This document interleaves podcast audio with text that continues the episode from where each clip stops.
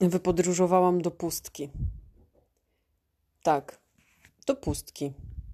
Widzieliście, ta pustka trwała od maja. I jakoś jeszcze wtedy w maju potrafiłam wychwycić, że jednak o coś mi w tym podcaście chodziło, a potem nagle pojawiła się pustka. Totalna. No nie należy chyba udawać, że że ta pandemia wpływa na mnie mocno. Nie należy też zaciemniać i jakoś przeciwstawiać się temu, co ta pandemia przynosi. I to, że teraz nadchodzi druga fala, i nie wiem. Mam nadzieję, że wrócę, bo czuję, czuję tę potrzebę mówienia i opowiadania, w jaką podróż zabrałam siebie kiedyś i co ona mi przyniosła.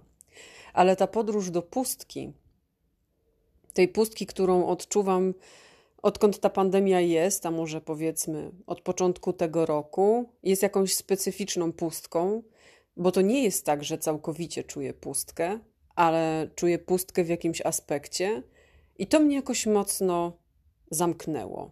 Nie pozwoliło dalej do Was czegokolwiek mówić. Tak, jakbym nie dawała sobie prawa, zupełnie. Nie dawała sobie prawa do tego, że ja mogłabym w ogóle cokolwiek dalej do ludzi w aspekcie podróżowania mówić. Znacznie więcej podróży teraz odbywam do wewnątrz. I kiedy te wewnętrzne podróże się odbywają, to mam wrażenie, że właściwie wszystko to, co się tam w środku mnie dzieje, w ogóle nie zasługuje na jakieś zewnętrzne wydalanie tego na zewnątrz, tak. To tak powinnam chyba to nazwać. No i skoro tak jest, że mnie się wydaje, że te moje wewnętrzne odkrycia są po prostu istotne tylko i wyłącznie dla mnie, to właśnie nastał ten czas pustki. Mamy połowę października. No i co? A ja od maja nic nie nagrałam. I też nie zrozum mnie źle, jakby to nie jest tak, że ja mam jakieś poczucie winy. Ja raczej się wkurzam na to, że wartościowy dla mnie projekt na chwilę zamarł i i nie wiem co dalej, i, i jakby też tym odcinkiem próbuję zredefiniować coś na nowo. Dlatego to będzie nowy sezon, nowe otwarcie i może coś nowego się z tym wszystkim zadzieje. Taką mam nadzieję, że się zadzieje. Pustka to taki stan, z którego może zrodzić się wszystko. To na pewno. Tyle, że często pustka prowadzi nas do frustracji albo do poszukiwania nowych, całkowicie nowych doświadczeń, po to, żeby nadpisywać tę pustkę i się z nią nie stykać. I może ten odcinek właśnie będzie takim filozoficznym dywagowaniem o tym, co ta pustka we mnie zrodziła, a może zabiła, bo to chyba nie jest tylko tak do końca, że coś się tworzy w wyniku jakiegoś doświadczenia. Czasami coś też umiera. No ale nie na dualności powinnam się zatrzymywać. Raczej tkwi we mnie takie przekonanie, żeby zachęcać Was i mimo wszystko popychać w takim kierunku, w tym wszystkim kierunku Was, który zdecydowanie dawałby przyzwolenie na pustkę. Proces medytacji, który jest najgłębszą formą medytacji, już takiej transcendentalnej, jest związany z doświadczaniem pustki, nicości, a zarazem wtedy całego wszechbytu. I myślę, że tak wielu z nas ucieka w robienie, w działanie, w poszukiwanie, że właśnie tej pustki doświadczyć nie może. No a potem tak naprawdę z ogromnym głodem poszukujemy kolejnych doświadczeń. To taki paradoks, które pozwolą nam na chwilę do tej pustki się zbliżyć, byleby to było doświadczeniem, czyli nadpisywaniem czegoś, a niekoniecznie spotkaniem się z tą pustką tak naprawdę. Dlaczego ja mówię w ogóle o pustce? Ano, dlatego, że przede wszystkim odczuwam taką ogromną pustkę związaną z podróżami, a raczej ich brakiem. No bo nie podróżuję, bo jak większość z nas się boję. Albo może nie tyle, co się boję, co widzę, jak bardzo to jest teraz utrudnione i że trzeba się nagimnastykować. Poza tym też wpadłam w taką manierę tłumaczenia sobie tego, że nie podróżuję, bo coś tam. Bo mam kota, e, bo nie mam pieniędzy, bo straciłam pracę przez jakiś czas i teraz odrabiam zaległości, które musiałam niestety przeznaczyć na życie wtedy, kiedy tego dochodu nie miałam. No i tak od słowa do słowa, od doświadczenia do, do doświadczenia, od pustki do pustki, e, właściwie uświadomiłam sobie, że na pewno tak dużo podróży, ile ja do tej pory odbywałam, wcale nie potrzebuję. To jest takie dość odkrywcze dla mnie. No bo przecież do tej pory zdarzało mi się podróżować trzy, cztery, pięć razy w roku, nie licząc wypadów w góry i zdobywania jakichś szczytów, które przecież też są podróżą. I samo podróżowanie tam, w te góry, jest też podróżą, no do jasnej, ciasnej. No i kiedy sobie tak uświadomiłam, że ja przecież od zeszłego roku, od października, nigdzie nie byłam, właściwie to mija rok, odkąd byłam gdzieś, gdzie można by było to nazwać wyjazdem zagranicznym, no to, no to co teraz? Jakim ja autorytetem do promowania wszystkich kierunków jestem i, i dlaczego miałabym o tym mówić? Ale prawdą jest, że czuję jakąś tęsknotę za taką starą wersją siebie sprzed pandemii.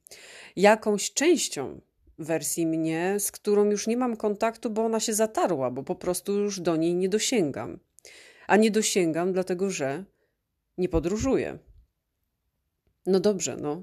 Wsiadłam kilka razy w pociąg i w którymś miejscu w Polsce się znalazłam. Nawet byłam raz w górach i to było bardzo silne dla mnie przeżycie, że tylko raz i ha, jakby wartość teraz każdej podróży wykonanej, czy to na rowerze 5 kilometrów do pracy, czy też e, wyjazd do lasu na obrzeża miasta, to staje się podróżą w tej chwili. I to taką wow. No i uczy mnie to trochę pokory. Pokory do tego, że tak dużo ludzi jest, którzy w ogóle nie podróżują z różnych powodów nie podróżują e, z powodów finansowych albo z obawy, z, z lęku, albo z przekonania, że wcale im tego nie, nie potrzeba do życia. I już, no. I, i, I wystarczy. I to moje takie do tej pory marginalizowanie, bagatelizowanie tych moich doświadczeń no nie było uczciwe i nie było sprawiedliwe. Ani wobec tych, którzy podróżują inaczej lub nie podróżują, ale też i w stosunku do samej siebie, bo ja sobie nie dawałam w ogóle prawa do tego, aby powiedzieć, że robię wielką rzecz. No, no chyba, że byłam w Chile i e, jakby byłam na drugim e, krańcu świata w stosunku do miejsca, w którym na co dzień mieszkam, no to tak, tak, no to to jest duża rzecz, no bo przecież leciałam tam tyle godzin i tyle godzin wracałam i o Boże, tak? No śmieszne to jest. No, jak się śmiejecie, to, to, to warto, no, bo y, zapędzić się można niesamowicie i świat możliwości nam pokazuje, że rzeczy, które kiedyś były naprawdę, naprawdę szczytem możliwości, w tej chwili znajdowały się, przynajmniej do czasu pandemii, naprawdę w zasięgu ręki. I to nawet nie jest kwestia już pieniężna, tylko kwestia tego, żeby się odpowiednio zorganizować. I ja nadal sobie tak myślałam, Boże, przecież ja nie robię nic wielkiego, no, to są tylko podróże. Po prostu z, z, mam zupełnie inny sposób na to, żeby wydawać swoje pieniądze i zupełnie inny sposób na to, żeby spędzać czas niż większość ludzi, tak? którzy decydują się na przykład mieć rodziny, decydują się stawiać sobie domy i, i różne tego typu rzeczy. No i jeśli nawet zbierałam zazdrosne spojrzenia z powodu tych miejsc, do których w życiu udało mi się dojechać, to przyszedł taki moment, w którym to ja zebrałam zazdrosne spojrzenia, swoje własne, moich własnych oczu, w kierunku tych, którzy nie podróżowali, ale zainwestowali w dom z ogrodem, w, ogródkę działko, w, w ogródki działkowe e, i we wszystkie miejsca, w których cały lockdown, czyli kwiecień, maj, czerwiec i potem wakacje mogli spędzić na łonie natury. Ja spędziłam w małym, trzydziestoparometrowym mieszkaniu w bloku. I codziennie tęskniłam za tym, żeby jednak mieć trochę natury ze sobą. No więc gdzie wypodróżowałam w tej tęsknocie? Do zostania rolniczką balkonową. E, hodowałam pomidory i też e, obrosłam w kwiatki, e, kwiaty doniczkowe, rośliny doniczkowe w swoim małym mieszkaniu. Do czego ja tak zmierzam i co ja chcę Wam powiedzieć? Chcę Wam powiedzieć, że wypodróżowałam do pustki po to, żeby zmienić skalę oceny tego, co jest doświadczeniem, bo zapędziłam się tak mocno w naznaczaniu i wartościowaniu doświadczeń do jakiegoś takiego niebotycznego rozmiaru, do takiego miejsca, w którym już sama siebie przebić nie mogłam, że warto o tym po prostu pójść i mówić i szerzyć tę radosną nowinę.